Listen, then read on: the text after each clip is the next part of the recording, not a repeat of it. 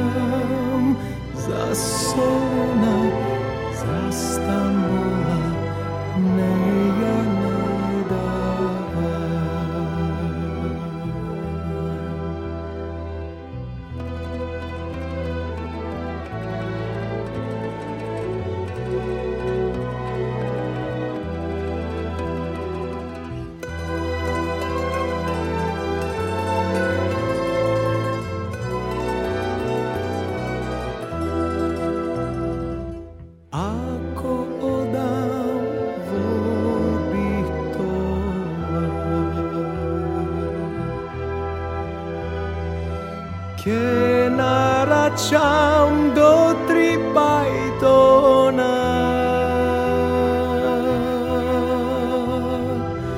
Parvimene che nos i v drugi čalgi che svira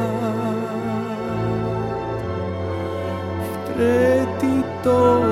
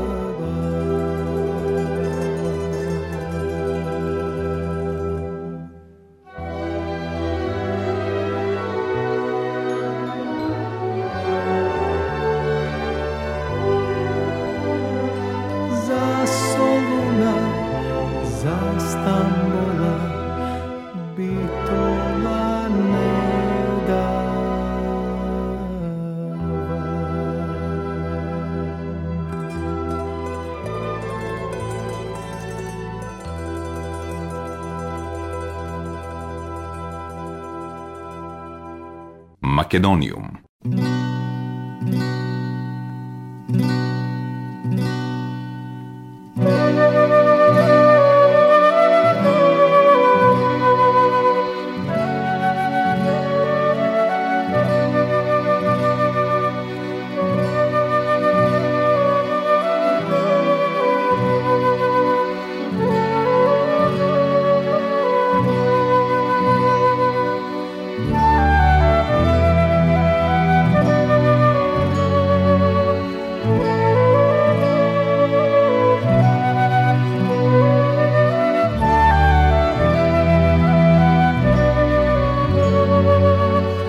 Добар ден и добре дојдовте во најновото издание на емисијата Македониум.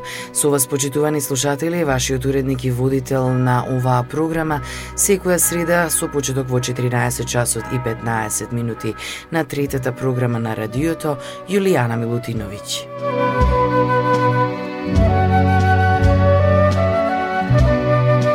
Македониум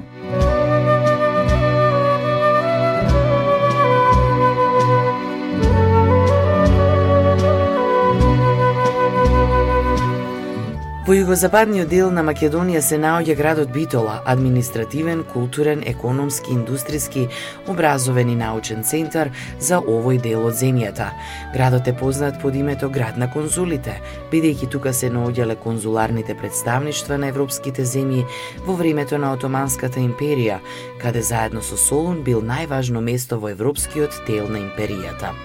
Во периодот од 1864 до 1912 Битола бил главен град на Битолскиот вилает, еден од трите вилаети во регионот Македонија. И денес голем дел од конзуларните представништва во Република Македонија се наоѓаат токму тука. Битола е втор по големина град во Македонија според бројот на жители. За време на Југославија тој бил еден од културните центри како во Кралството Југославија, така и во СФРЈ. Таткото на турската нација Кемал Ататурк завршил офицерска школа во Битола. Некои негови работи ден денес се чуваат во Народниот музеј. Според Андријан Рум, Битола потекнува од зборот обителовој, израз кој до ден денес се употребува и во хрватскиот јазик, кој за време на средниот век се користел за заедница на монаси, како фамилија, односно манастир. Грците од истите причини градот го нарекувале монастири. Градот Битола своето име го добил по големо поседник од Толјо, кој имал своја тврдина во близината на денешното битолско село Буково. Во времето кога дошле турците да го освојат овој дел од Македонија, за да го повикаат на борба големо поседник од Толјо, му велеле Битолјо до Битолјо. За време на отоманската власт, градот се викал Манастир, што турците и албанците го усвоиле од грците. По Балканските војни од 1913-та, градот потпаѓа под српска окупација и повторно го добил старото име Битола.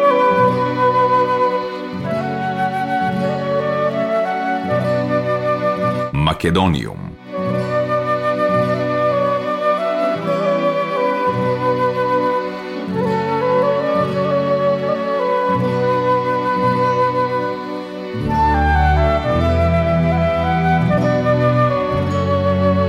Градот има средна годишна температура на воздухот од 11 степени, но со големи одстапувања во одредени години. Најстуден месец е јануари со просечна месечна температура од минус 0,6 степени Целзиусови, но со абсолютна минимална температура од минус 30 степени. Најтопол месец е јули со средна месечна температура од 22 степени и со максимална температура од 41 степен. Абсолютното годишно варирање на температурата на воздухот изнесува 76 степени Целзиусови, што е специфика за континенталната клима. Температурата има карактеристика на континентална клима, а врнежите на сушна изменето медитеранска или степска клима која на моменти има пробиви и на жешки воздушни маси од Северна Африка. Просечното годишно количество на врнежи изнесува 600 мм со различни вредности.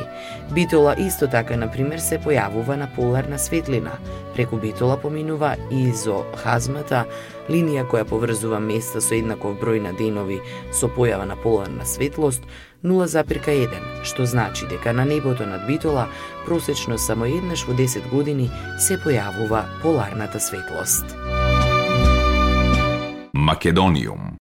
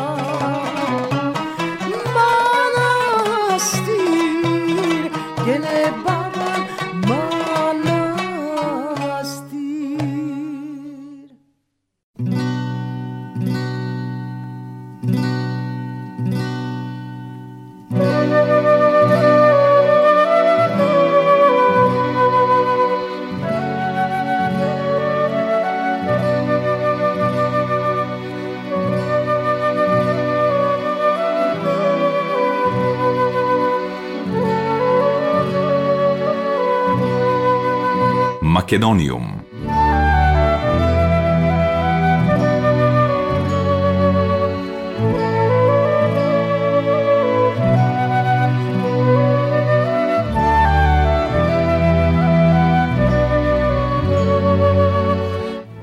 Конзулат во Битола е отворен во 1851 година од страна на тогашната Австро-Унгарска империја, токму на широк сокак. Подоцна тоа ќе го сторат британците и французите, а потоа доаѓаат конзулите од Русија, Италија, Србија, Бугарија и Романија. Првите светилки на широк сокак ја тргнале темницата од саат кулата до офицерскиот дом, точно во 17 часот на 24 декември 1924 година. Во тоа време на широк сокак биле сместени представништва на бројни странски компании, престижни кафеани, сладкарници, филијала на Франко-Српската банка. Тој прв конзулски период бил инспирација за бројни песни на конзулите, за пајтоните, за клавирите, за прочуената чкембе чорба, за влашкото мало и жолтите куќи за љубовта. Сонот на битолчани нивниот град повторно да стане конзулски се оствари со осамостојувањето на Македонија.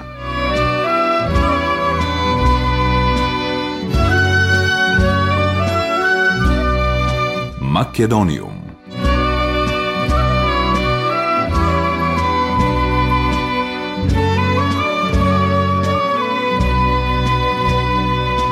Хераклеа Линкести се еден од најпознатите македонски антички градови лоциран во непосредна близина на Битола. Основан е во средината на 4 век пред нашата ера од страна на Филип II Македонски. Градот бил развиен воено-стратешки центар на северозападната граница на тогашната македонска област Линкестида, денешно Битолско поле. Наоѓајќи се на најзначајната сообраќајница од тоа време, Вија Игнација, Хераклеја станува незина најважна станица во регионот. Во рано-христијанскиот период била епископско седиште. Во Хераклеја се откриени портико со почесни споменици, мала и голема базилика, римска бања, театар, градска чешма на Јустинијан од 6 век, епископска резиденција. Животот во Хераклеа замира кон крајот на 6 век. Денес таа е значајно археолошко наоѓалиште, но и место за културни манифестации. Македониум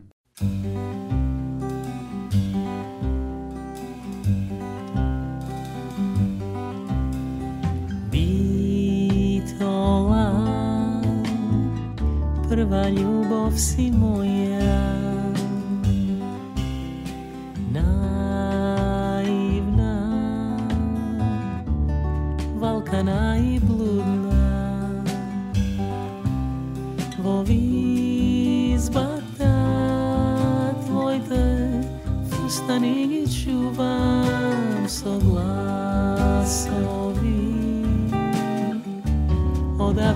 se borra.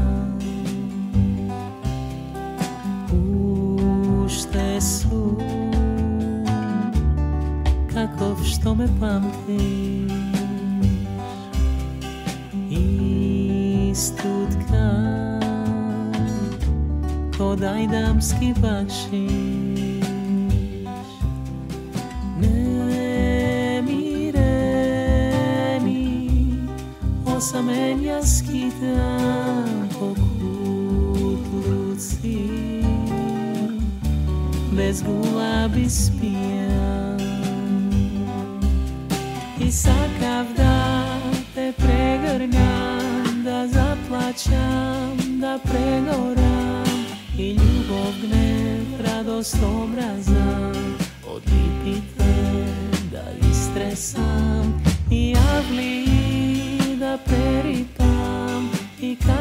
Катанци да отклучам И масарки да разлетам Од деци да имам.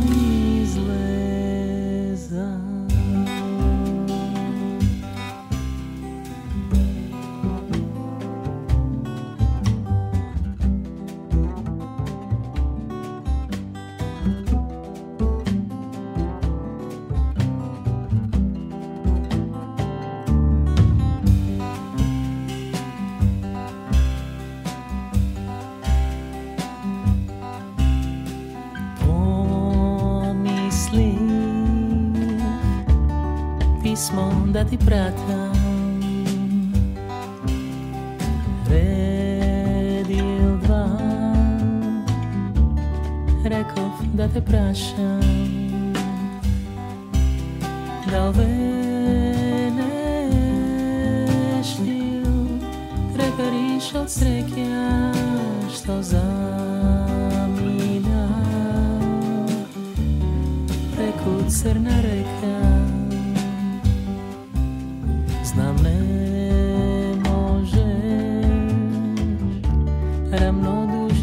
así. Te prepoznam, ni sokad si prazni.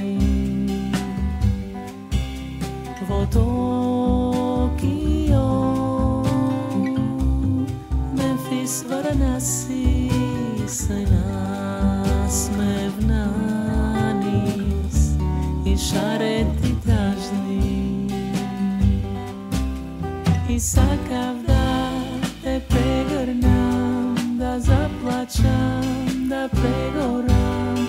I ljubov me radost omrazam Odlipite da istresam. I javli da preripam.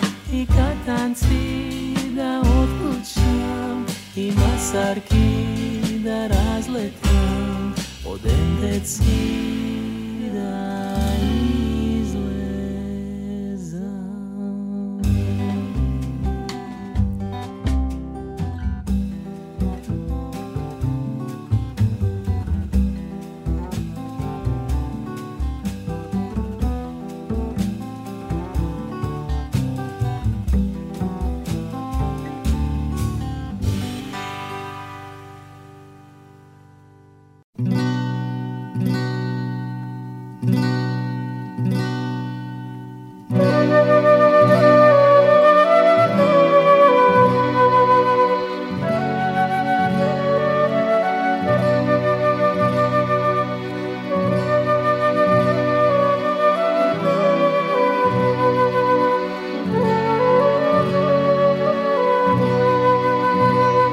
Македониум.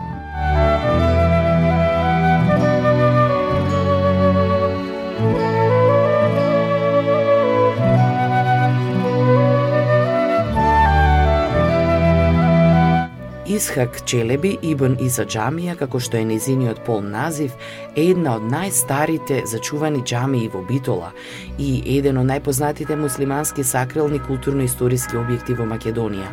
Со минарето во височина од околу 50 метри, џамијата доминира на просторот наспроти саат кулата и големиот безистен. Во незиниот голем двор има неколку гробови, привлечни заради фините облици на саркофазите. Оваа еднопросторна подкуполна џамија представува вистинско почивалиште за својот ктитор. Главниот декоративен елемент во тремот се четирите столбови кои доминираат во просторот, поставени на високи камени постаменти што завршуваат со идентични капители. Пред главниот портал се влегува во молитвениот простор во раскошна декорација. Посебноста на оваа џамија ја чини играта на боите и формите, која се отсликува во секој дел од незе. Музика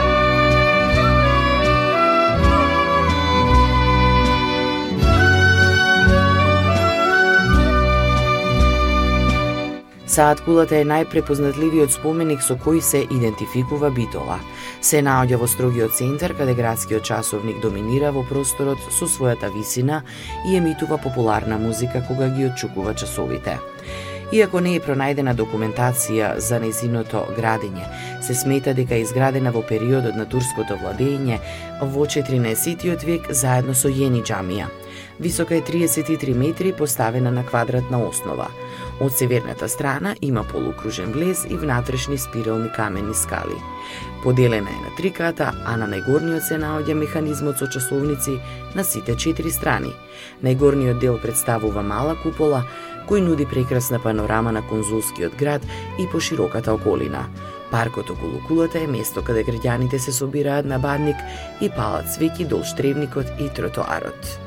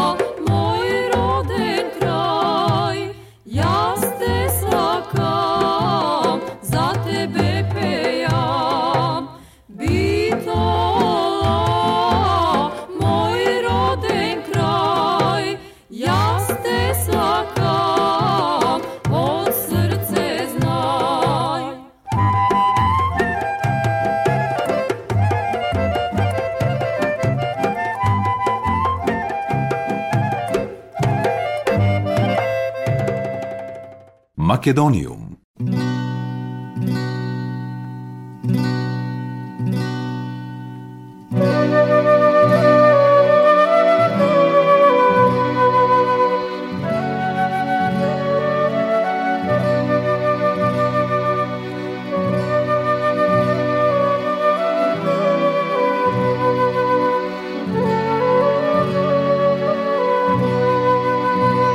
Македониум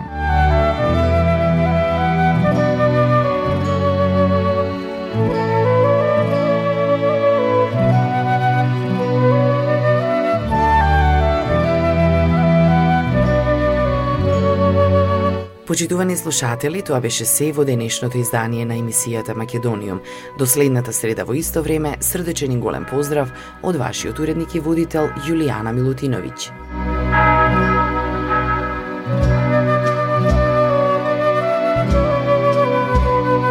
Ја следевте програмата на македонски јазик, емисија Македониум.